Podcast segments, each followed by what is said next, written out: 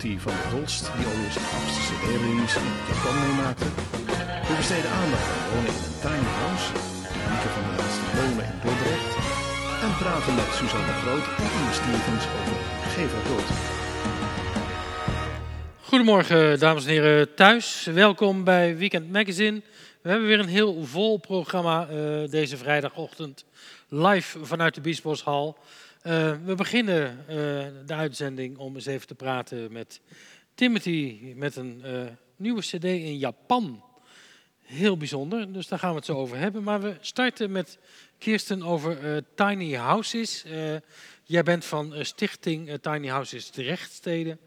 Ehm, en jullie zetten je al heel lang in om binnen de Drechtsteden locaties te vinden om tiny houses projecten uh, neer te zetten. Eerst even kort, uh, wat is het, het, het, kenmerk, echt het wezenskenmerk van tiny houses en willen leven in een tiny house?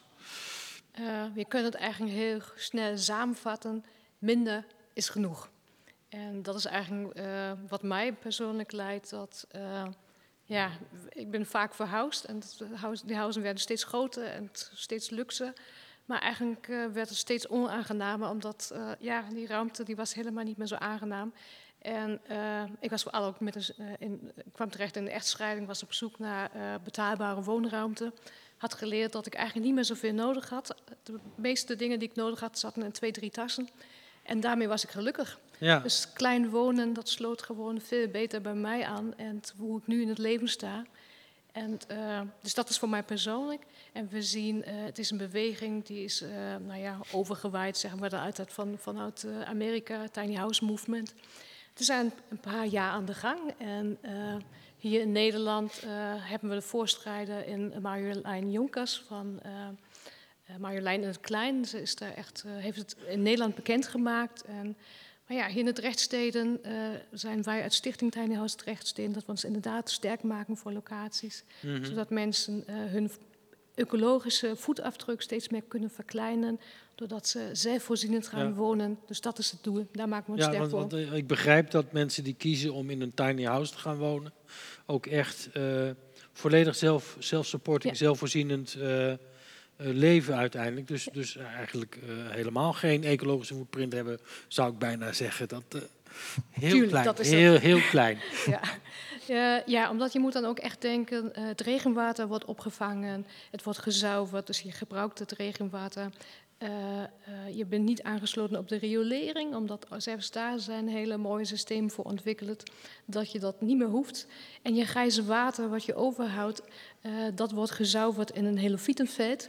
Dus dat betekent ook dat je daarvoor ook niet aangesloten hoeft te zijn op de riolering. ja, waardoor je daarvoor geen voorziening van licht water en riolering hoeft, omdat stroom die ga je ook opwekken met zonnepanelen op je dak. Ja, en ik heb ergens gelezen dat er um, in, binnen de rechtssteden inmiddels ruim 200 mensen zijn die eigenlijk wel de ambitie hebben om de overstap te maken van een reguliere woning, ja. zeg ik dan maar, uh, naar een tiny house. Uh, dat is een behoorlijk groot aantal. Ja, het zijn zelfs nog meer. Hè. We zitten volgens mij nu aan de 7, uh, sorry, 250 geïnteresseerd in ons bestand. Mm -hmm. Er zijn mensen die hebben ons, uh, ons opgezocht op de website, hebben contact met ons opgenomen en hebben zich aangemeld als geïnteresseerden.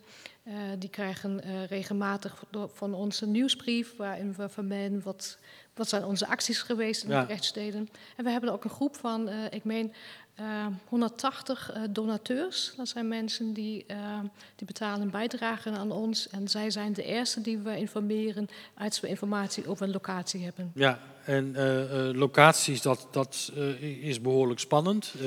nou, zeg dat. ik begreep dat er afgelopen dinsdagavond een commissievergadering fysieke leefomgeving geweest is in de gemeente Dordrecht. Ja. Um, waar in ieder geval jullie initiatiefvoorstel, want jullie hadden een initiatiefvoorstel aangeleverd behandeld en besproken is. Ja. Uh, liep dat naar tevredenheid? Uh, nee, dat natuurlijk niet. Omdat met de, met de uitkomst zijn we zeker niet tevreden. Wij hadden om dinsdagavond hadden we bestuursoverleg, dus we konden het met z'n allen volgen.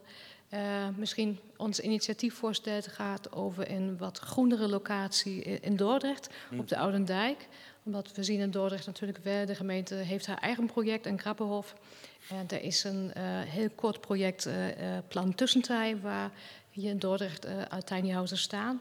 Maar wij willen daar heel graag voor, voor Dordrecht ook een groene locatie toevoegen. Uh, helaas voor ons het pech dat de coalitie uh, in Dordrecht... die hebben afspraken gemaakt over dat de Zoutpolder... waar onze locatie is, dat die uh, niet bebouwd wordt. Dat het polderlandschap ja. onaangetast moet blijven. Nou, wij hoopten met ons tiny house plan eigenlijk waarde aan toe te voegen. Omdat ja, wij gingen daar geen... Het, ons plan was niet om daar grote villa's neer te zetten... Nee. met heel veel steen en villa's die 100 jaar blijven staan. Nee, tiny houses, tijdelijk. Hè? Uh, tien jaar is er heel fijn om daar met je tiny house te mogen staan. Waarde toevoegen aan het groen wat er al is. Maar helaas. Ja, de, de, over, de, projecten rondom tiny houses zijn doorgaans uh, van tijdelijke aard. Hè? Ja. Een jaar of tien en dan zou het weer uh, moeten worden verplaatst. Dat is ook het mooie. Je kunt je house gewoon meenemen. Ja. En Timothy, ik, ik, ik begreep dat jij op het punt staat om te verhuizen. Ja overwogen om in een tiny house te gaan zitten? Nou, ik vind het niet zo'n groot huis waar ik ga wonen. Het is behoorlijk tiny. Maar um, uh, ja, ik vind het uh, super mooi. Tiny houses. Uh, ik heb er zelf wel enig onderzoek naar gedaan. Ik heb ook tijd naar zo'n programma zitten kijken. Wat dan in Amerika afspeelt, op die tiny ja, houses. heb ik ook een paar afleveringen van gezien. Onwijs dat. Ja. ik vind het prachtig om te zien. Um, maar ja, um, ik, ik ben muzikant. Ja. Uh, je bent wel eens in mijn studio geweest. Dat klopt, ja. Dus dat uh, stukje van uh, te veel materiaal hebben, dat, daar ben ik nog niet aan toe, zeg maar, om dat te gaan minderen. Nee, nee ik, ik, herinner mij een behoorlijk En elektriciteit is ook wel een ding, denk ja, ik. ik. Ik, herinner mij een, volle, een behoorlijk volle studioruimte met allerlei instrumenten en, ja, en dingen die veel energie vroegen. Ja, wel in het energiehuis. Maar. Te, tegelijkertijd... Ik bedoel, jij, jij bent ook betrokken bij, uh, samen met jouw echtgenoten bij het restaurant Daantje. Ja. Uh, dat is toch wel ook een restaurant en een manier van leven. Uh, veganisme, wat heel erg raakt aan ja, zeker. die, die ja, nee, kleine ecologische footprint. Ja, nee, ik, ik, ik vind het fantastisch. En ehm, ik, ja, het is wel iets wat ik in overweging zou nemen als dat als dat wat meer geplaveid is. In een latere fase in jouw ja, leven. Ja, ik zit even in een andere fase in mijn leven om uh, dingen voor elkaar te krijgen. Ja, uh, ja en, en, en uh, als het gaat om die, die wegplaveien, om, om tiny houses beter um, hun plek en positie te verwerven. wat zijn nu jullie plannen voor de komende tijd?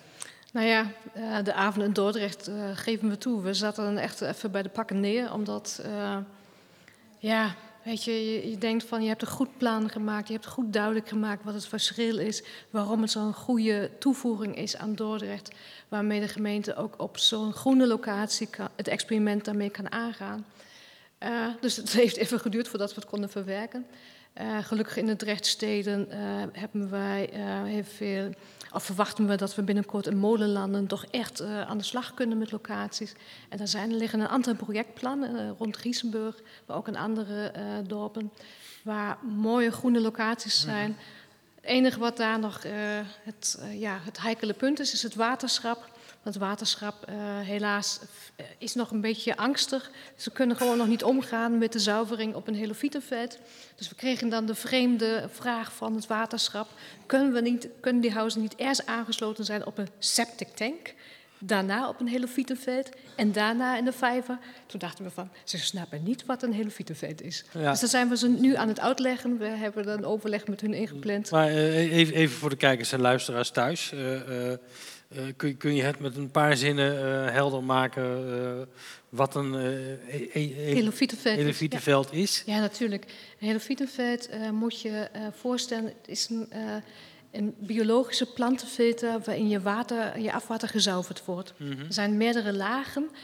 denk aan grin, denk aan schelpen, maar denk ook aan, aan oeverplanten, aan aan, aan, ja, aan gas, die, waardoor die wortels van, van deze planten zuiveren het water. Mhm. Dus het water wordt ingeleid in het helofietenfilter. Hij doorloopt eigenlijk, doorzijpelt alle lagen van het helofietenveld. En aan de onderkant komt schoon water, ja, wordt eigenlijk, kun je weer omhoog pompen richting de vijver. En dat is toch heel iets anders dan wat zeg maar, op het boerenland nog uh, afgevloeid wordt in de afwateren. Dit is echt schoon water, je kunt het zelf drinken. Nou, nou, is de laatste partij waarvan ik dan uh, uh, weerstand of vragen verwacht, zou dan het waterschap zijn. Je zegt het, je zegt het. Ja, ik bedoel, het, het, draagt enorm bij aan, volgens mij, het, het, wezenskenmerk van wat een waterschap ook beoogt. Namelijk zorgen dat het oppervlaktewater eh, helder, schoon en van goede kwaliteit blijft. Ja, nou ja, we begrepen het ook niet. We hebben, we hebben van alles en nog wat erbij gehad, uh, onderzoeken over de zuivering daarvan. Maar we hebben het gevoel dat we het echt in Jip en Janneke taal moeten uitleggen. Ja. Dus we gaan nou een heel simpele presentatie maken. Wat is het verschil tussen riolering, een septic tank en een helofietenvet? Oké, nou ja, ik ben heel erg benieuwd naar die presentatie in ieder geval. Um, ik herinner mij van de uh, bespreking in Dordrecht op die uh, dinsdagavond, waar jullie even bij de pakken neerzaten, dat uh, veel partijen wel lovende woorden hadden over het initiatief als zodanig en de, de noodzaak om met tiny houses projecten aan de slag te gaan. Um, zie je daar nu ook een lichtpuntje voor de toekomst dat die politieke partijen wat dat betreft de daad bij het woord voegen? Uh, jazeker, uh, inderdaad. Uh, we moeten ook niet te negatief zijn. Zelfs het college heeft toegezegd om binnen een half jaar met locaties te komen. Dus dat is sowieso een pluspunt. Wij zullen het ook niet laten om nog zelf locaties aan te dragen. Onder andere hebben we ook een plan ingediend voor de dierenweide Middenburg. Mm. Ook, ook, daar ligt van ons een plan aan bij de gemeente. Ja. Dus als het om een groene locatie gaat, vinden we dit ook een hele mooie. Ja, ik, ik zag die suggestie op Twitter langskomen. Ja. Uh, er kwam prompt een reactie onder te staan van uh, de verantwoordelijk wethouder. Ja, ja nou ja, uh, het, was minst, het was minstens al één reactie. En hij gaf ons inderdaad mee dat ook daar een zorgvuldige afweging gedaan gaat worden. Ja. ja. we hebben verder nog geen reactie gehad van de gemeente. Dus dat is dan ook wel jammer dat wij dat het eigenlijk ook ja, tegengehouden wordt. Of we snappen Dordrecht niet helemaal. Uh, ze hebben hun eigen ambitie, ons eigen project eerst uh, van de grond stampen. Nou, we weten het gaat over de locatie Grappenhof. Uh, daar zijn ze in 2016 met de motie mee begonnen. Ja. We hebben eind 2020, er staat nog, geen, nog steeds geen tiny house. Dus ja, ja. ja. Hoe lang moeten we nog wachten tot dat experiment eindelijk afgesloten is? Ik, heb ook begrepen dat uh, de gemeente wil dan ook graag evalueren hoe dat gaat met tiny houses op Krabbenhof en op uh, de Vlijweide. Ja. Uh, jullie zeggen wel eens van dat dat zijn niet echt maatgevende projecten. Nee, zeker niet. Krabbenhof moet je denken, dat is tussen de flats, het is een binnenstedelijk. de huizen kunnen niet zelfvoorzienend zijn omdat ze moeten aangesloten zijn op de riolering. Je kunt geen watertank in de grond zetten, omdat je mag niet dieper dan 50 centimeter graven vanwege een uh, verontreiniging in de grond. Uh, nou ja, een watertank die zet je niet bovenop de grond, omdat dat, dat oogt verloedert. En juist, uh, je wilt met die tiny houses ook juist laten zien aan omwonenden van... Het is een andere leefstijl. Het zijn geen woonwagenkamps. Het is echt heel iets anders dan mensen misschien van vroeger kennen. Ja. Het zijn geen zigeuners. Het zijn gewoon mensen die gewoon ja. Het, het, is duurzaam, milieubewust. Ja, ja. Uh, dank. Ja, een andere manier van in die samenleving willen Absoluut, staan. Ja, ja. Ja. Nou ja, uh, Kirsten, ik, ik, wens jullie in ieder geval met uh, Stichting Tiny Houses Drechtsteden heel veel succes om hopelijk dan ergens in dat komende half jaar met ook in Dordrecht tot overeenstemming te komen over een plek waar het echt volledig volgens het concept kan worden ontwikkeld. Heel veel succes daarmee hartstikke bedankt dat je hier in de uitzending uh, wilde zijn. En um, ja, ik ga met Timothy uh, praten over uh, iets wat jij volgens mij al naast je op de stoel hebt gelegd. Ja, ik dacht, ik, neem hem even mee. Ik ben er trots op. Ja, dus ik, ja een kan, cd. Ja, ik kan me voorstellen dat je daar trots op bent. ja. Toen ik vanochtend wakker werd en mijn Facebook even opende...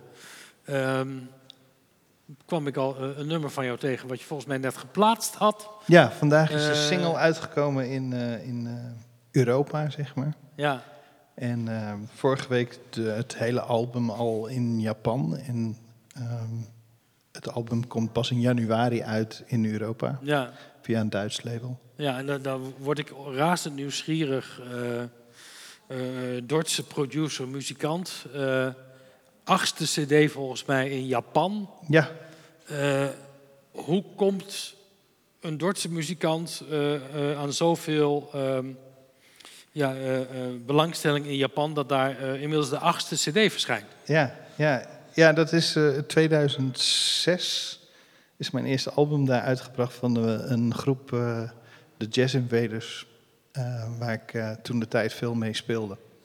Ehm Japanners zijn erg geïnteresseerd in, in jazzy muziek. Mhm.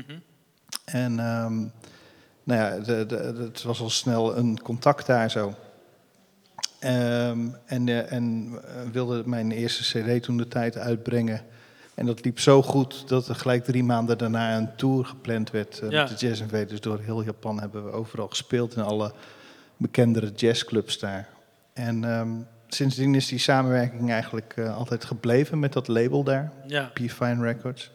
Ehm, ik maak veel meer cd's dan dat zij uitbrengen. Ik eh, maak veel producties, ook met andere groepen en zo. ja, En ze wil altijd op de hoogte gehouden worden van eh, wat, wat heb je nu weer gemaakt. ja. En af en toe kiezen ze daar iets uit en brengen ze dan...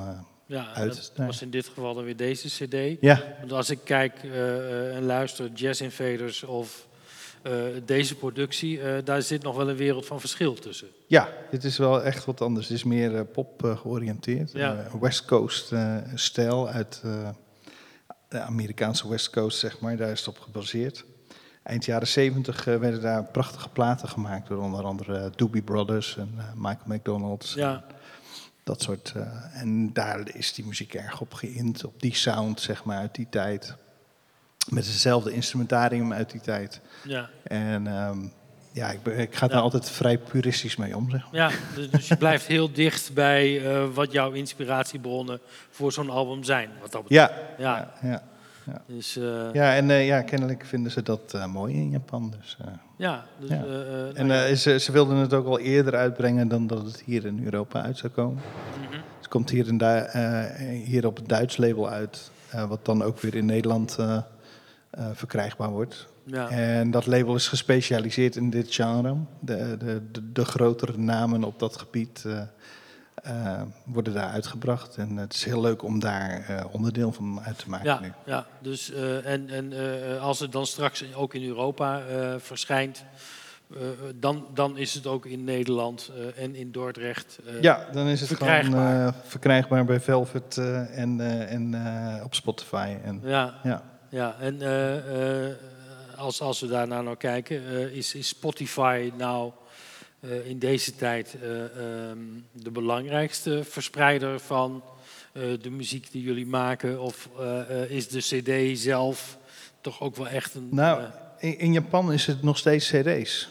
Eh, dat zou je niet verwachten, want je verwacht toch dat zo'n land altijd voorop loopt. Met, Ja. Maar ehm, zeker in bepaalde genres muziek eh, zijn het gewoon echt verzamelaars van die muziek en die willen dat op cd hebben. Dat heb je hier in Nederland ook nog steeds, cd-liefhebbers. En Ja. eh, veel meer nu LP-liefhebbers. Hè. De LP is helemaal Ja. terug. Hij komt ook op LP uit. Oké. En Dus, eh, ehm, ehm, ja, Spotify is wel heel erg belangrijk. Ja. Ja, ja, ik, ik bedoel, ik heb zelf nog spijt als haar op mijn hoofd dat ik ooit, eh, eh, toen ik wat kleiner ging wonen, zou ik, zou Tiny House. eh, al mijn LP's de deur uit heb gedaan. Maar vinyl is alweer een aantal jaren echt helemaal hot. Hè? Ja, dat heb ik nooit gedaan met vinyl de deur uit. Dus dat heeft met als gevolg dat als ik, dat ik nu moet gaan verhuizen, 5000 LP's moet gaan versjouwen. Maar Ehm, ja, nee, de vinyl is helemaal terug natuurlijk. Dus Ja. het is heel grappig om te zien dat de LP-verkoop is nu hoger dan de CD-verkoop. Ja, Ehm, maar ik, ik ben zelf ook nog, ik koop nog steeds LP's, eh, niet meer zoveel als vroeger. Maar Spotify is ook wel degelijk een onderdeel van mijn eh, manier van naar Ja. muziek luisteren. ja, ja, ik- Sterker nog, ik denk dat ik bepaalde albums op LP heb, maar op Spotify meer geluisterd heb, omdat dat beter uitkomt in de auto. En ja, op andere plekken waar je je plaat niet kan draaien. Ja, ja ik ben nog zo'n gebruiker van cd'tjes in de auto en uh, ja, Spotify in mijn huis. Maar eh, Ja. Ik heb twee zoons, millennials, die, die weer helemaal eh, into vinyl zijn, zal ik maar zeggen. Ja, ja dat, nou zeker jonge mensen zijn Ja. erg into vinyl. eh, ja, dat vind ik ook heel erg tof om te zien. Ja, dus, Ja, eh, en ik snap het ook wel, want het is toch... Spotify is veel meer van de, van de playlisten. En ehm, veel meer ehm, eh, dat nummers afzonderlijk, artiesten afzonderlijk liedjes geluisterd worden, zeg maar. ja, En eh, een LP is natuurlijk echt een heel album van die artiest die je luistert. ja, En eh, die beleving van een, van een LP kopen en dat twintig keer draaien als je hem Ja. gekocht hebt. En eh, ja, dat is toch een bepaalde romantiek die geloof ik wel weer ontdekt wordt door de jonge mensen. ja. Nou ja, ik bedoel, die, die romantiek zit ook wel een beetje aan cd'tjes, zou ik bijna zeggen. Ja, dat is eigenlijk. Als, als voorbeeld, Home Grows is ook een cd die door jou geproduceerd is, Ja. van Michael de Jong. Postuum, postuum uitgebracht. Eh, ik kan er niet genoeg naar luisteren. Ik Oh, soms dat drie is keer leuk om te horen. drie keer achter elkaar op. En dan, nou, eh, Ja, echt zo leuk om, eh, om naar te kijken. Dus ik, ik verheug me ook op ja. jouw nieuwste... het duurt nog even in Nederland. betreft, Het duurt nog even hier in, Ja. in Dordrecht. Ligt er dan ook nog weer een tour in het verschiet? Ga je weer een keer naar Japan? Het is een beetje afhankelijk van wat het album gaat doen, hoe de reacties zijn. Het zal nu een stuk moeilijker zijn, sowieso eh, corona is al moeilijk, maar de laatste jaren was het al moeilijker om in Japan eh, Ja, te kunnen spelen. oké. Het is eh, een kostbare aangelegenheid om met zes, zeven mensen naar Japan af te reizen en daar optredens te doen. Dan moet er ook wel wat geld binnenkomen. Ja, ja, Ja. Dat, dat begrijp ik. Ja, Ja. Dus toch het andere kant van de wereld. Wat dat Ja, betreft. precies. Ja, ik, ik, eh, hartstikke fijn dat je dat verhaal hier even eh, met ons Ja. hebt willen delen. Graag. Eh, mensen die op Facebook zitten, eh, ga dat nummer, die single, eh, ga hem even kijken, luisteren. Het is echt eh, hartstikke tof weer. Inderdaad wel wat eh, catchy, popachtig eh, Ja, ja, ja. eh, nummer in dit geval. Dus anders dan de Jazz Invaders. eh, ja. maar, maar zeker heel erg de moeite waard. Eh, Timothy, heel erg bedankt eh, dat jij eh, dit met ons wilde delen. Ik begrijp dat je op punt staat om inderdaad allerlei dozen in te pakken en Ja. eh, te gaan verkassen. Dus mag ik jou daar heel veel succes bij wensen. Dankjewel. En tot ziens. Yes. En eh, nou ja, we gaan door. eh, aangeschoven is eh, Marianne, eh, voorzitter van Stichting Kijk over de Dijk. Ja. Ehm, eh, de enige molen volgens mij die Dordrecht nog rijk is. Ja, ja, ja, ja. In de afgelopen 800 jaar hebben er in Dordrecht 120 molens gestaan. Er is er maar eentje overgebleven. Ja, Dus die moet heel goed bewaard en gekoesterd worden. Ja, ik bedoel, hij is ook gewoon echt nog eh, eh, in, in functie. Ik bedoel, hij werkt. Hij, Ja. eh, Ja, tot nu toe wel, hè? ja, maar daar is een probleempje mee opgetreden, Ja. begrijp ik. Ja. Ja. En ehm, eh, dat probleem is gelegen in het feit dat achter de wieken zitten roeden in het midden. Ja. Eh, en eh, in die roeden zijn scheurtjes geconstateerd. En ehm, straks zal misschien Peter daar iets meer Ja. over vertellen, want ja, die is technisch... die, die, die schuift zo aan, die, die doet de echte techniek. Die Ja. is molenaar bij jullie, dus, dus die weet daar echt heel erg veel van. Ehm, maar, maar, maar eventjes zonder dat we die techniek nu al induiken. Eh, er moet echt wat gebeuren. En ik zag op eh, social media langskomen dat jullie in ieder geval een ehm, doneeractie zijn gestart. ja, Om eh, te zorgen dat er ehm, geld verzameld wordt. Hoeveel is er nodig? Is er al in kaart gebracht wat de schade is? Ja, het is de verwachting dat het herstel van dit proces rond de ton gaat kosten.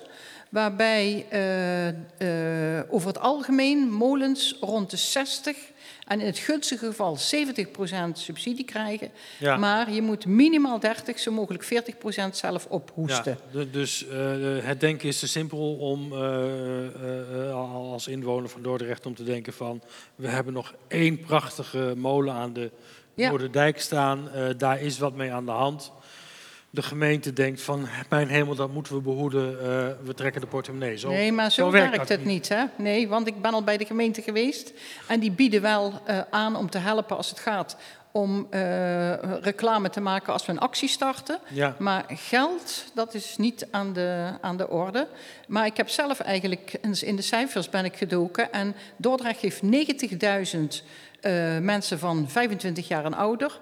Dus ik dacht, als iedereen 50 cent geeft, zijn, zijn we al aan het bedrag. Ja, Zo simpel is het eigenlijk. Ja, Dus het is, eigenlijk is- heel weinig. ja, dat is wel een hele mooie rekensom. Eh, eh, ik zou mensen toch willen uitnodigen om die rekensom niet helemaal te volgen. En als u besluit te doneren, doe het ruimhartig. Eh, aangeschoven ook de molenaar zelf. Welkom. Jij weet alles van de techniek van die molen af. Ehm, wat is er nou precies gebeurd en eh, wat, wat, wat is het gevolg van die schade voor eh, eh, het operationeel kunnen werken? Ja. Wat er precies is gebeurd, er is nog niet zo heel veel gebeurd. Daar zijn we gelukkig op tijd bij geweest. Maar het was het gevoel bij de, bij de molenaars dat er iets met de wieken aan de hand was. En met name de roeden van de wieken, dat zijn de grote metaalkokers die nu ook goed zichtbaar eh, zijn. Ja, zeg maar daar waar het, het geheel aan gedragen wordt. Ja, klopt. En dat gevoel wat wij hadden met, eh, met onze molen, toen zagen we in de landelijke literatuur dat er eh, drie molens in het land de wieken zijn afgebroken. En van dezelfde firma waar onze wieken ook voor zijn, onder roede moet ik zeggen. Ehm, toen gaf het bestuur meteen eh, de opdracht om eh, de wieken te laten nakijken door een gespecialiseerd bedrijf. Ja. Met de röntgenapparatuur die de, met name de lastnaden eh, gingen controleren. En toen bleek dat er in de lastnaden eh, kleine scheurtjes eh, zaten. Maar kleine scheurtjes kunnen grote scheuren Ja. worden. En de molenmaker die daarbij eh, aanwezig was, die zei meteen, je moet niet meer draaien met de molen. Zet de molen stil, Ja, want veiligheid voor alles. Dat hebben we dus eh, meteen gedaan. En de molen staat stil. We hebben al eh, de prachtige zeilen die we van de gemeente hebben gekregen voor eh, Dordrecht eh, 800 eh, jaar. ehm, eraf gehaald, want dat, die vallen dus weer wind. En Ja. afgelopen, afgelopen zaterdag hebben we de winterborden ook afgehaald. Waardoor nu de, de kans uitermate klein is dat iets afbreekt. Ja. Hoewel je dat natuurlijk nooit weet. ja maar eh, in ieder geval al het mogelijke gedaan om eh, dat risico daarop zo klein mogelijk te maken. Eh, maar dat lijkt mij voor jullie toch een behoorlijke domper. Want volgens mij is het gewoon echt een operationele molen waar ook productie wordt gedraaid. En, eh, het is gewoon een bedrijf wat dat betreft. Het is, ja, het is een gigantische domper, zowel in de praktische zin als eh, emotioneel eh, eh, betekenis. ja, Want we zijn een, een, een praktijkmolen die malen voor de Duitse bevolking het heel echte volkorenmeel. ja, Het enige echte volkorenmeel in Dordrecht. Ehm, dat is heel Ja. jammer, maar we zijn ook nog een opleidingsmolen. ja, Wij hebben vier leerlingen die we tot molenaar eh, opleiden. En dat is natuurlijk weer heel belangrijk in het kader van het werelderfgoed. eh, om dat te Ja. blijven stimuleren. nou ja, het Dus het is, is dus dubbel. Dus als de molen niet draait, dan kunnen we onze huidige leerlingen eh, slechts gedeeltelijk opleiden. Ja, ja, dat is natuurlijk heel erg jammer. Ook omdat eh, dat ambacht, molenaar, is natuurlijk echt een eeuwenoud beroep. wat volgens mij sowieso onder druk staat. Want er zijn natuurlijk steeds minder molens. Dus hoe mooi is het dat je dan toch jongeren kunt opleiden voor dat vak? Het is geweldig. En, eh, het geweldige is ook in Dordrecht, en het is niet uniek, maar wel bijzonder, eh, dat wij een leerling hebben van eh, 18 jaar oud. eh, een eh, een eh, Marokkaanse man van 45 jaar oud. Ja, En twee eh, vrouwen eh, die het molenaarsambt eh, gaan eh, of leren al ver vo- gevorderd zijn, gelukkig. Dus het is ehm, jammer ja, voor de molen. Het is ook heel jammer voor Dordrecht. Dus wij hopen, eh, wat Marianne al aangaf, dat de Duitse bevolking, eh, die de molen al behoorlijk in hun hart had, maar ook eh, iets in hun portemonnee laten zien, ja, dat wij weer zo snel mogelijk kunnen draaien. En zo snel mogelijk, dat betekent als we snel genoeg het eh, geld bij elkaar hebben, ons eigen basisgeld en een subsidie, dat het maximaal in maart, april weer zou kunnen gaan draaien. En Ja. anders pas in het najaar. dus, dus, dus jullie hopen nog steeds dat maart, april 2021 eh, jullie weer operationeel kunnen zijn en het uh, prachtige volkorenmeel ja, via een aantal tussenstappen de mond van de Dordtenaar bereikt. Precies, maar misschien voor de volledigheid. Wij malen nog steeds. We hebben ook een elektrisch koppel, ook mm. met officieel echte molenstenen. Ja. waar we dezelfde kwaliteit mee kunnen krijgen als met op de wind malen. Ja. En dus we malen elke week nog steeds voor de bakkers en voor onze eigen winkel en de thuisbakkers ja, Dus de productie is in die zin uh, veilig gesteld, maar toch op een andere manier en niet met dat karakteristieke uh, ambacht. Precies. Het gaat om de wind beheersen. Ja. nou, gaan we nog even naar Marianne. er is een actie gestart. Um, ja. je zei al, de gemeente wil wel meewerken om die actie ook uh, publicitair te helpen. Uh, is dat al van de grond gekomen? Nou, um, kijk, er is, uh, wat er gebeurd is, is dat we gelijk een rekening hebben open, nummer hebben opengesteld. En dat is omdat mensen al direct gingen roepen, waar kunnen we geld storten? Ja. Maar wij zijn bezig met het maken van een wat groter plan, waarbij we een Dordrecht brede actie op poten willen gaan zetten. Om eigenlijk, ik maar zeggen, de totale bevolking ja. aan... Want wij bereiken nou natuurlijk ook maar een beperkt aantal mensen. En wij willen eigenlijk een grotere groep gaan bereiken. En aan die actie, daar gaat de gemeente ook zijn medewerking uh, en, Hoe willen jullie dat gaan doen? Ja, dat is, uh, ja, dit nieuws weten wij amper tien dagen. En, uh, wij... De hele tijd hoor. Dat, uh... nou, wij, er is, komt morgen een groep bij elkaar die zich gaat buigen over hoe dat kan. Je zou kunnen denken aan in de vorm van een loterij bijvoorbeeld. Mm. maar het kan ook op een andere manier. Ja. En dat is nog niet, nog niet duidelijk. Ja, maar, maar zodra dat duidelijk wordt, dan treden jullie naar buiten toe. Dan kunnen we in Dort Centraal, AD ja. Dort en ja. op ja. stukken lezen. Ja. Um, um, om dat te bewerkstelligen. Ja jullie kleine actie, uh, die ik vooral via Facebook inderdaad zag. Ja. Uh, uh, wat heeft die al opgeleverd? Ik bedoel, is de respons ehm, ook, ook zo spontaan al? ja, er is, zal maar zeggen, er wordt, wij hebben natuurlijk donateurs. En die zijn ook aangeschreven en die hebben al geld gestort. We zitten nou ongeveer, ik weet niet de allerlaatste stand van vandaag, hmm. maar wij zitten rond de 2800 euro zo'n ja, beetje nu. Ja, maar dat dus, is natuurlijk op dat dat uh, enorme bedrag. grote bedrag wat nodig is. Uh, ja, ja. 100.000 euro is, is niet niks. Ja, uh, is dat nog maar een druppeltje? Ja, dat maar, klopt. Maar wel een bemoedigend druppeltje, neem ik aan. Ja, ja. Ja. kijk, en wij wilden ook niet wachten met een, tot die grotere actie gestart is. Want ja, uh, je merkt aan, aan, ook aan onze vrijwilligers dat ze iets willen doen. Wij zijn wel begonnen met uh, kleine aardige dingen. Er is op het moment bijvoorbeeld in zijn mondkapjes te koop met afdruk van de molen. En aan de andere kant staat er Kijk over de dijk. Mm -hmm. Een beetje ja, ja, ingeschoten op, op de, op de, de corona, tijd, op de corona. En uh, daarnaast komen er kaarten te koop. En, uh, maar dat zijn allemaal dingen die ja, veel minder geld natuurlijk gaan opleveren. Dat is allemaal, uh, ja, ja, maar alle kleine beetjes helpen, ja, zeggen wij. Maar, maar is, is, het, is het bestuur optimistisch dat we inderdaad maart, april 2021 nou, die molen weer operationeel hebben? Of maak je je zorgen? Ja, ik maak me wel zorgen. Ik zit natuurlijk in de rol dat ik ja, vooral me ook heel erg verantwoordelijk voel dat dit weer zo snel mogelijk gaat ja. gebeuren. Dus uh, ja, eh, middelen zijn wel heel belangrijk. En uh, het is bekend, en dat weet ik dan ook van Peter, dat bijna geen enkele molen in het normale proces winst kan draaien, zal ik maar zeggen. Er moet altijd, over, altijd gewoon ook al geld bij. Ja. Dus ja, wij zijn erg afhankelijk, ook in de loop van de tijd, van giften, et cetera. Dus, ja. dat, dus dan komt er nu zo'n klap overheen en dat is wel heftig. Oké, en, en, nog even voor de, de, de, kijkers en de luisteraars nu thuis. Waar kunnen ze jullie vinden, dat rekeningnummer vinden? En als ze al besluiten van, goh, wij gaan iets overmaken, iets meer dan die 50 cent uit jouw rekening. Ja, ja. Uh, waar kunnen ze terecht? Ja, het is zo dat dat rekeningnummer, dat weet ik, had ik uit mijn hoofd natuurlijk moeten leren. Nou, maar ik heb wel hier een foldertje en ik weet niet of je, of je op die afstand dat rekeningnummer kan zien.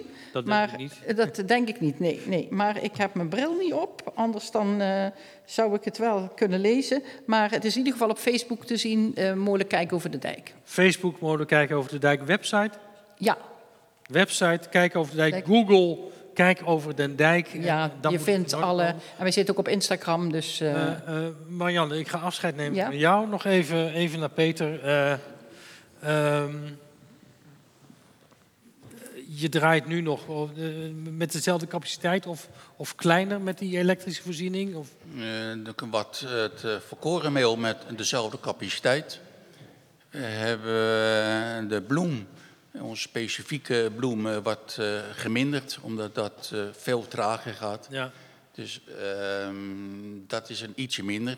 Dat hebben we gecompenseerd met een eh, collega-molenaar, eh, ook een eh, ambachtelijk korenmolen, eh, die voor ons eh, dat eh, voorlopig wil blijven draaien. Ja. Nou, ik wens jou heel veel succes. Bedankt. Ik hoop echt van harte dat eh, Kijk over de dijk in maart, april 2021 weer volop kan draaien. Dat eh, eh, eh, eh, die schermen op de wieken ook weer vier in top staan, zal ik maar zeggen. En dat Ja, eh, ja. het plaatje op de Noorderdijk weer compleet is. Dus Ook. succes daarmee. En eh, heel fijn dat je eh, met iemand vanuit jouw bestuur ook eh, dit verhaal hier vanochtend eh, bij Weekend Magazine hebt willen doen. Dus Mooi. dank je wel daarvoor. En we komen graag terug. Als alles weer draait, dan spreken we elkaar weer een keer. Dat is uitstekend. Bedankt. Aangeschoven Inge, hi. Goedemorgen. Eh, ik moet altijd heel goed denken van, ja, we kennen elkaar ook vanuit een andere hoedanigheid. Klopt. Maar ja. daar zitten we hier allebei niet voor. Ehm, Nee. Jij wilt graag aandacht vragen voor iets waarvan toen ik het op, eh, in mijn informatie over deze uitzending langs zag komen, echt even achter mijn oren moest krabben. Eh, eh, menstruatiearmoede Klopt. is, is een term die mij tot kort van tevoren niet bereikt had. Maar het schijnt echt wel en een nijpend probleem te zijn en, en huge. Klopt, ja. Er is eh, ongeveer wat bekend is, een 25.000 meiden in Nederland, jonge meiden, eh, die door middel van armoede eh, niet in staat zijn om maandverband of tampons te kunnen kopen. Nou is praten over menstruatie is eigenlijk wel iets wat een taboe is.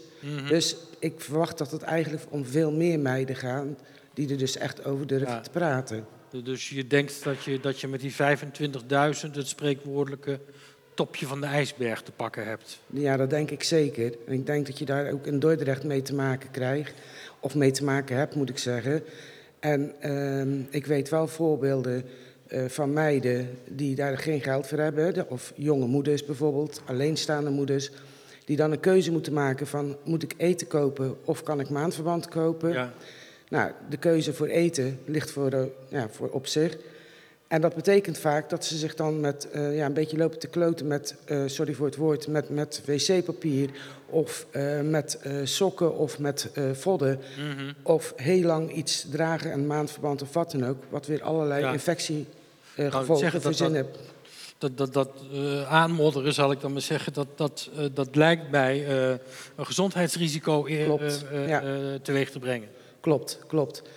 Nou, ik heb contact gehad met de voedselbank hier in Dordrecht van, goh, hoe gaan jullie daar nou mee om? Nou, voor hun was dat ook nieuw. Hè? Dat is toch wel iets wat ik telkens merk als ik het over Ja. menstruatiearmoede heb. Dan zit iedereen me aan te kijken van, mensen, waar heb je het over? Ja. Snap ik. En ik denk bij de voedselbank is het op dit moment, gaan ze het wel in bestuur, gaan ze overleggen van, goh, gaan wij dit ook verstrekken? En dat heeft mede te maken dat er op dit moment een eh, actie rond eh, eh, het maandverbandmerk Always loopt. Dat op het moment dat je nu voor 2 november een pak Always koopt, dan doneert Always gratis een pak maandverband Ja. aan de voedselbank. Ja, dan, dan op zich prettig dat zo'n merk daar aandacht aan besteedt. Ja. Misschien wat vroeg in het proces als het gaat om de awareness voor dit probleem. Daar ben ik met je eens. Ik denk dat het eerst maar eens een keer meer bekendheid moet gaan krijgen. Meer duidelijk moet zijn dat je daarover kan praten. Ehm, ik heb ook gekeken van, goh, hoe gaat het nou hier op de school, op het middelbaar onderwijs? Van hoe, hoe gaan... Nou, daar zie je ook dat mensen er nog steeds niet over praten. En Ja. ik denk dat we het daar eerst over moeten hebben van, eh, ga dit onderwerp bespreken. Zorg dat die taboe eraf is, Ja. zodat daar ook makkelijker eh, voorzieningen voor getroffen kan worden.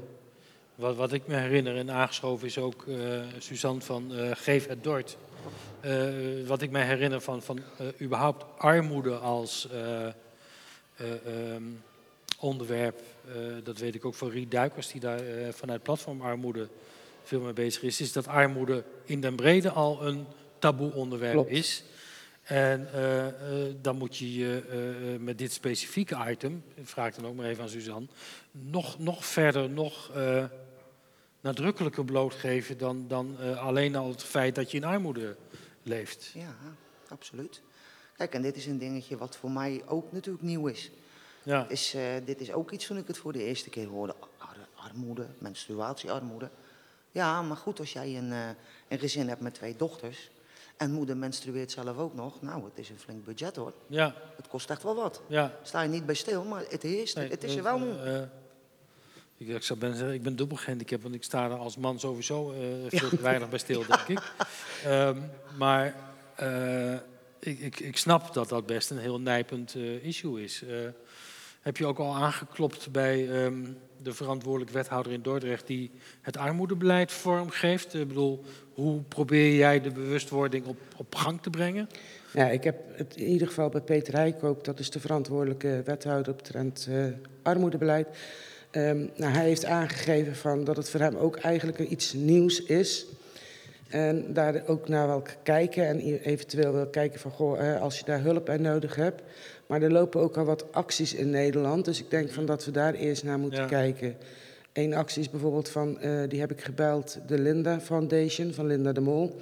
En zij gaan nu overwegen om in het begin van het voorjaar eh, alle middelbare scholen in Nederland één jaar gratis maandverband en tampons te gaan eh, doneren. Ja. Dus waar het me dan om gaat is van eh, ook met het onderwijs van ga erover praten. Laat zien aan meiden dat het een onderwerp is waar je over mag praten. Zeker als het thuis ook armoede is, omdat je daarmee misschien breder kan gaan kijken van wat er aan de Ja. hand is. Dat, eh, dat lijkt me heel erg belangrijk. Wel mooi dat zo'n foundation dan die middelbare school, ik neem aan ook het MBO dan, maar Klopt. Ja, eh, eh, klopt. er in die zin in betrekt dat daar in ieder geval die middelen en die voorzieningen eh, gaan worden aangeboden. Ehm, hoort het ook thuis in het pakket van, eh, van de voedselbank? Ja, dat is wel iets eh, waar ik bij de voedselbank neergelegd heb. En daar gaan ze nu over praten. Want in principe zeggen hun, eh, hoort het niet bij ons. Wij verstrekken alleen voedsel. ja, Ehm, maar ja, goed, ik denk op het moment dat je kan kijken van als dit echt een eh, noodzaak is, wat ik ook vind dat het een noodzaak is, ja, dan zou je als voedselbank daar ook aan mee moeten gaan werken. Ja, ja nou, de, de voedselbank is inderdaad één, één manier. Ik kan me voorstellen dat ze zeggen wij richten ons primair op het voorzien van voeding voor arme gezinnen en ehm, eh, eh, materieel. eh, dat ligt dan maar bij eh, andere instellingen die zich daarmee bezighouden. Nou ja, eh, geef het Dort. Ehm, ja, jullie houden je bezig ook om eh, eh, bij armoede in ieder geval eh, eh, materieel, eh, meubels, eh, allerlei dingen aan te bieden. Ja. Ehm, ik heb je lang geleden al een keer een uitzending van Via Cultuur gehad, maar praat nog eens even bij van, van hoe ziet Geven Dort eruit? Wat, wat, wat doen jullie voor eh, mensen die eh, met armoede te kampen hebben? Nou ja, dat is alweer even geleden natuurlijk. Dus Ja. Sinds de laatste keer zijn we best wel eh, uit onze jas gegroeid. Ja, jullie zitten op een nieuwe locatie ook. Ja, op de Merwedestraat hebben we een Ja. flinke opslag. Die inmiddels bijna ook alweer te klein, klein is. Maar ja, goed, wanneer stop je haar? Ja, We zijn nu inmiddels ja, uitgegroeid. We zijn heel breed geworden, laat ik het zo zeggen. We, de, de, de, basis is natuurlijk eh, de meubelen. Die, we, die krijgen we geschonken. eh, vanuit, eh, van, van, ja, overal vandaan. ja, Van, zeker van particulieren. En nou ja, we zijn nu zo groot dat we op, op jaarbasis rond de 150 inboedels verstrekken. Dus dan Ja. weet je dat wel. En en- het is breder geworden dan Ja. dat. Want dat En, was- en zo'n inboedel verstrekken, hoe gaat dat in zijn werk? Je krijgt een, eh, gegevens van een gezin aangereikt vanuit de Nee. gemeente? Nee, of, ja. eh, Ja, de, de, de aanvragen die gedaan worden zijn wel bij een officiële instantie vandaan. Eh, dat gaat onder andere sociale dienst, waar we pas een pilot mee zijn gestart. Sociale wijkteams, leger des heils, vluchtelingenwerk. Het financiële plaatje moet in kaart zijn gebracht, Ja. want anders kom je daar niet voor namerking. Mhm. Maar zodra dat, dat rond is, dan ja, de aanvraag komt bij mij binnen.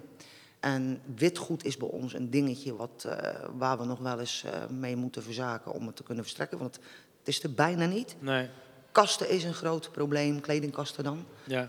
en fietsen. Maar voor de rest is alles er eigenlijk in overvloed. Daar kunnen we mensen gewoon van voorzien. En niet alleen aanvragers van meubels, we helpen ook de stichtingen om ons heen. We hebben heel veel stichtingen die we helpen met een toneelgroep waar we toneelkleding voor opsparen. Uh, we hebben een schoenendoosactie bijvoorbeeld. De kledingbank, daar zijn wij een depot voor. Mm -hmm. uh, ja, het is veel breder ja. dan dat. Clubhuizen of whatever, wat ze ja. nodig hebben, is ook bij ons dus, te halen. Dus, dus, dus het gaat echt uh, veel verder dan alleen ja. maar die 150 inboedels.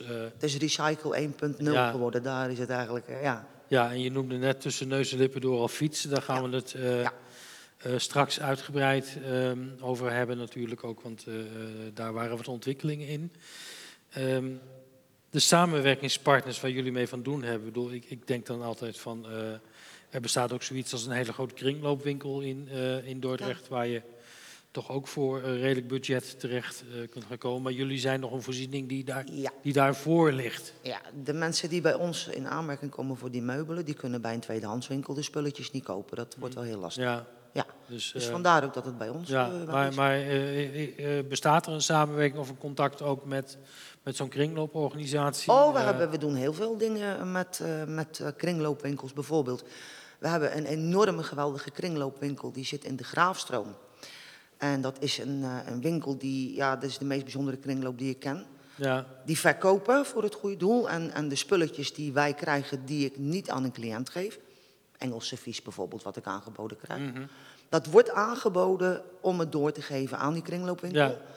Want die geven, nu is het wat anders met de corona, maar die geven een paar keer op jaarbasis uh, een stichting, uh, welke stichting dan een aanvraag doet. Dat Ja. wordt dan beoordeeld daar. En ze delen net zo makkelijk op een avond uh, 15.000 euro uit. Dus het is een bijzondere winkel en daar heb ik een leuke samenwerking mee. Ja. Ja, dat is mooi om te horen. En, en zie jij voor Geef het Dort ook een rol weggelegd in het onderwerp dat, dat Inge Stevens aankaart uh, uh, menstruatiearmoede? Ja, absoluut. Kijk, wat bij ons gebeurt, ik, uh, het, het, is nooit zo dat er bij mij een, ma maandverband wordt aangevraagd. Het is ook niet dat er shampoo wordt aangevraagd. Nee. Heel soms komt er iemand die brengt spullen, zoals wasmiddel, shampoo, antiklit, een luchtje, whatever. Mm -hmm. Wat ik dan doe als we een inboedel gaan brengen, maken we een tasje klaar met ja. wat er op dat moment voorradig is. Kijk, bij een man alleen stop ik er geen pak maandverband in, als nee, het nee, toevallig dat is. Ik. Maar als daar een paar meiden rondlopen en we hebben het heel toevallig, ja. dan stoppen we het erbij. En dan is het een, een, tasje wat je dan geeft wat op dat moment uh, ja, voorradig is. Dus het zou zeker wel een plek bij ons ja. kunnen zijn waar we in dat, dat in door kunnen ja. geven, ja. En hoe, hoe, kijk jij daarnaar, Inge? Denk jij dat uh, Geef het Dort een rol zou kunnen vervullen of zou kunnen helpen om, om het structureler uh, voor de doelgroep uh, beschikbaar te krijgen? Nou, dat denk ik zeker. Omdat Geven Dort natuurlijk met gezinnen te maken gaat krijgen die echt aan de onderkant zitten qua armoede. En ik denk dat het goed is om daar sowieso het gesprek mee aan te gaan. En als dat voorradig is, dan zou je dat ook kunnen geven inderdaad in de vorm van een tasje met daarin de behoeften die ze op dat moment nodig hebben. Ja, ja. Dus, dus in die zin kan het, kan het bijdragen. Absoluut. En dan misschien wat structureler dan, dan het hele leuke gebaar van een, een tasje van de toevallige ja. dingen die in voorraad zijn. Ja, want het is natuurlijk een, uh, het is niet incidenteel dit. Nee, nee. Dat komt terug me, iedere keer. Het lijkt me een tamelijk structureel probleem. Ja. Uh, wat, wat nog wat onder de radar uh, en onderbelicht gebleven is nu. Ehm, goed om daar uh, aandacht aan ja. te besteden. wat gaan we daar op korte termijn in Dordrecht nog van merken, Inge?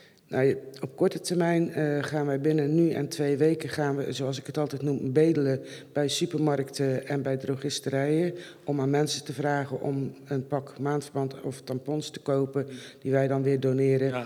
aangeven Dort.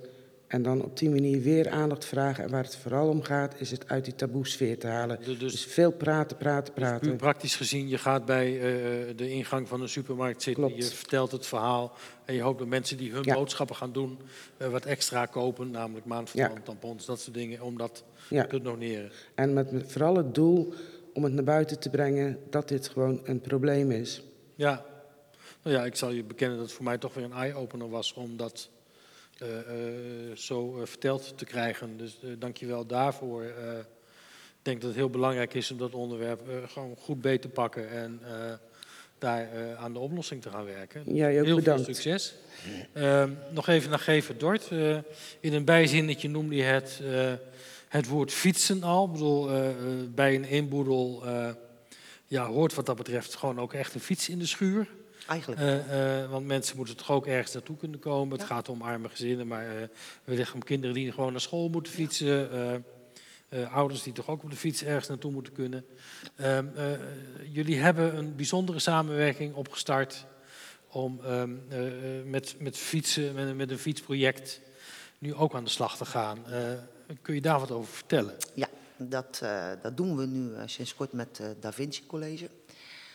Daar zitten, een, eh, ja, daar zitten natuurlijk ook leerlingen die eh, moeten gaan leren om een fiets in elkaar te zetten, het sleutelen. Ja, En op een gegeven moment ontstond het idee van, want ik zit altijd te bedenken hoe kunnen we dat probleem oplossen. Fietsen krijgen we eigenlijk wel aangeboden, mhm. maar dat zijn dan wel vaak fietsen waar heel wat aan moet gebeuren.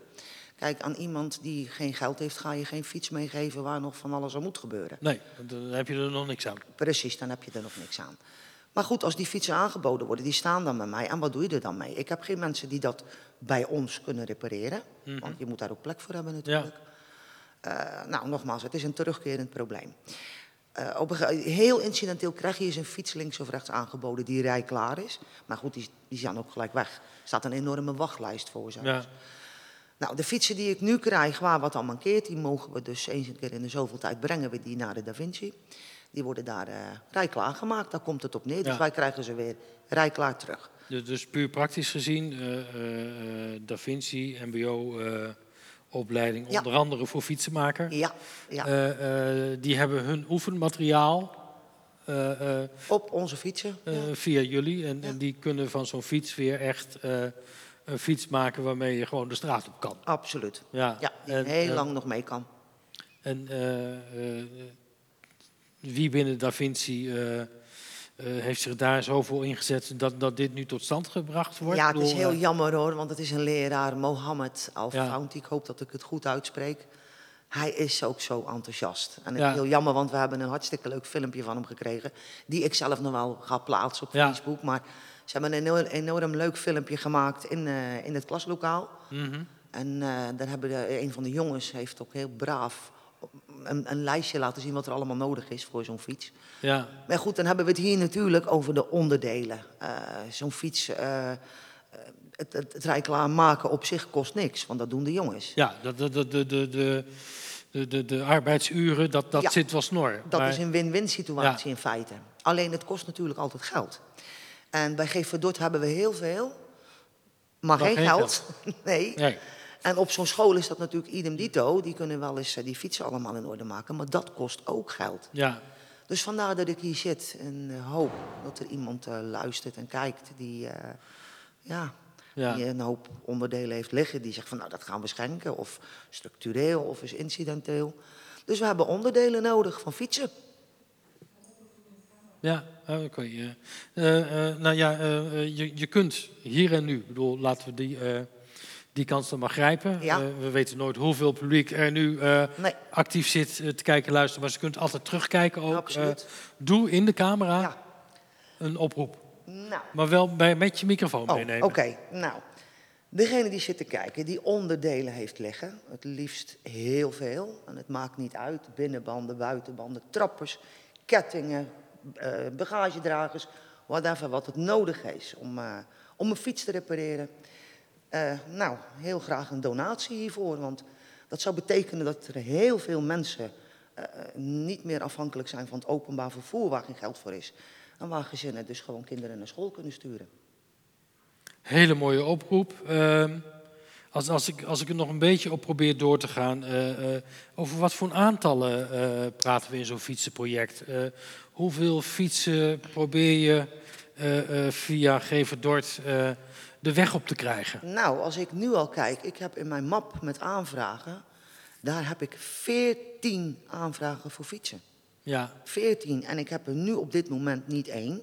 We krijgen er binnenkort vijf terug van de Da Vinci, rijklaar. ja. Maar het zijn allemaal herenfietsen, dus dat wordt ook weer lastig. ja dus, dus, dus eh, eh, wat dat betreft, je doet een oproep voor onderdelen. Maar ook voor fietsen. Maar je hebt dus eigenlijk ook vanuit de samenleving van inwoners gewoon fietsen nodig Ja. eh, die nog op te knappen zijn, die Ja. eh, eh, het liefst zo min mogelijk aan hoeft te gebeuren. Ja, die gebruiks... Kijk, de fietsen die we nu in de regel ja. krijgen, die, die ja, weet je, moet zoveel aan gebeuren. Ja, dus, dus de vraag is ook een beetje van inwoners van Dordrecht, kijk nog eens goed in uw schuur. Ja, Er staat daar een fiets die u zelf al lang niet meer gebruikt. Eh, breng hem naar Gevendort. of we komen hem ophalen. Of je komt hem ophalen Ja. ook nog. Dus eh, je kunt bellen met jullie en dan eh, Ja. wordt hij opgepikt. En dan, eh, Ja. ehm, Of een mailtje, kan natuurlijk ook. ja, en mensen die dat willen doen, die kunnen jullie vinden op een website. Ja. We hebben gewoon natuurlijk de website uh. We hebben e-mail, e-mail natuurlijk ook, info.geefverdort.nl. Dus dan kun je En, jullie zitten op Facebook volgens mij. Op Facebook, op Twitter, ja Dus, dus, op eh, talloze eh, plekken te vinden. ja, ja, Ehm, dus, dus nogmaals, mensen, eh, als je een fiets in de schuur hebt staan, eh, leg eh, contact met, met Gevendort. Eh, het liefst een fiets die met kleine aanpassingen de weg op kan of meteen de weg ja. op kan. ja. Eh, maar het Da Vinci eh, College eh, eh, wil zeker ook de fietsen zo opknappen Ja. ehm, dat ze weer veilig eh, en goed en betrouwbaar eh, als vervoermiddel te gebruiken zijn. absoluut. Ja. Ehm, daar zijn leerlingen ook weer mee geholpen. Want ja, eh, Dit is een win-win-win situatie. het, het fietsenmakersvak, ja, dat, dat moet je ook leren. Absoluut. Dus, dat, dat, dat heb je niet vanzelf in de vingers. Dus fijn dat die opleiding er ook is. Eh, allerlei praktische dingen die vanuit Da Vinci gebeuren. We hadden net al kijken over de dijk. Ja. eh, eh, eh, wat ook via het mbo aan molenaars komt. Fietsenmakers. ehm, ik zou bijna zeggen, gebruiken jullie Da Vinci nou straks ook als meubelmaker? Ik bedoel, heb je ook met je, met je inboedels... ehm, Nou, vooralsnog is het, de vraag is groot. Gelukkig het Mhm. aanbod ook. ja, Dus wat dat betreft, en het is, toen ik net begon, dat is natuurlijk een, al een, ruim vijf jaar geleden. ja, Eh, we zijn natuurlijk enorm uitgegroeid, maar dat kun je ook terugzien in de meubelen die Ja. gegeven worden. ja, want, want jullie zijn volgens mij begonnen in een pand... eh, In een kelderboxje. eh, in Kel- en daarna in Crispijn hebben jullie gezeten? Nee, is in? Wielwijk geweest. Wielwijk. Ja, oké, in Wielwijk in een heel klein kelderboxje. Toen kreeg ik later een heuse flat met een kelderbox. Daarna zijn we naar de Bosboom Toussaintstraat Ja, verhuisd. die, dat, die, Ja, die vestiging ken ik zelf dan nog. ja, en dat pand werd verkocht, dus we moesten weer verkassen. En nu zitten we al bijna twee jaar op, het, eh, op de Merwedestraat. Ja, Geweldige en locatie. eh, eh, jullie doelgroep weet jullie goed te vinden. Absoluut, ja, ja. Dus ehm, nou ja, heel mooi dat je deze oproep hier ja, hebt gedaan. top dat het Het uur zit er alweer op. Ik hoorde eindtune al. Ja. Dankjewel dat je hier hebt willen zijn. En mensen, geef het Dort. Is heel belangrijk als onderdeel van de armoedebestrijding in Dordrecht. Het nieuwe item menstruatiearmoede hoort daar zeker bij. Alle gasten van vandaag heel erg eh, bedankt. En de kijkers, luisteraars thuis. eh, dit was Weekend Magazine voor deze week. Volgende week zijn we er weer. Zelfde tijd, dezelfde locatie. Tot dan.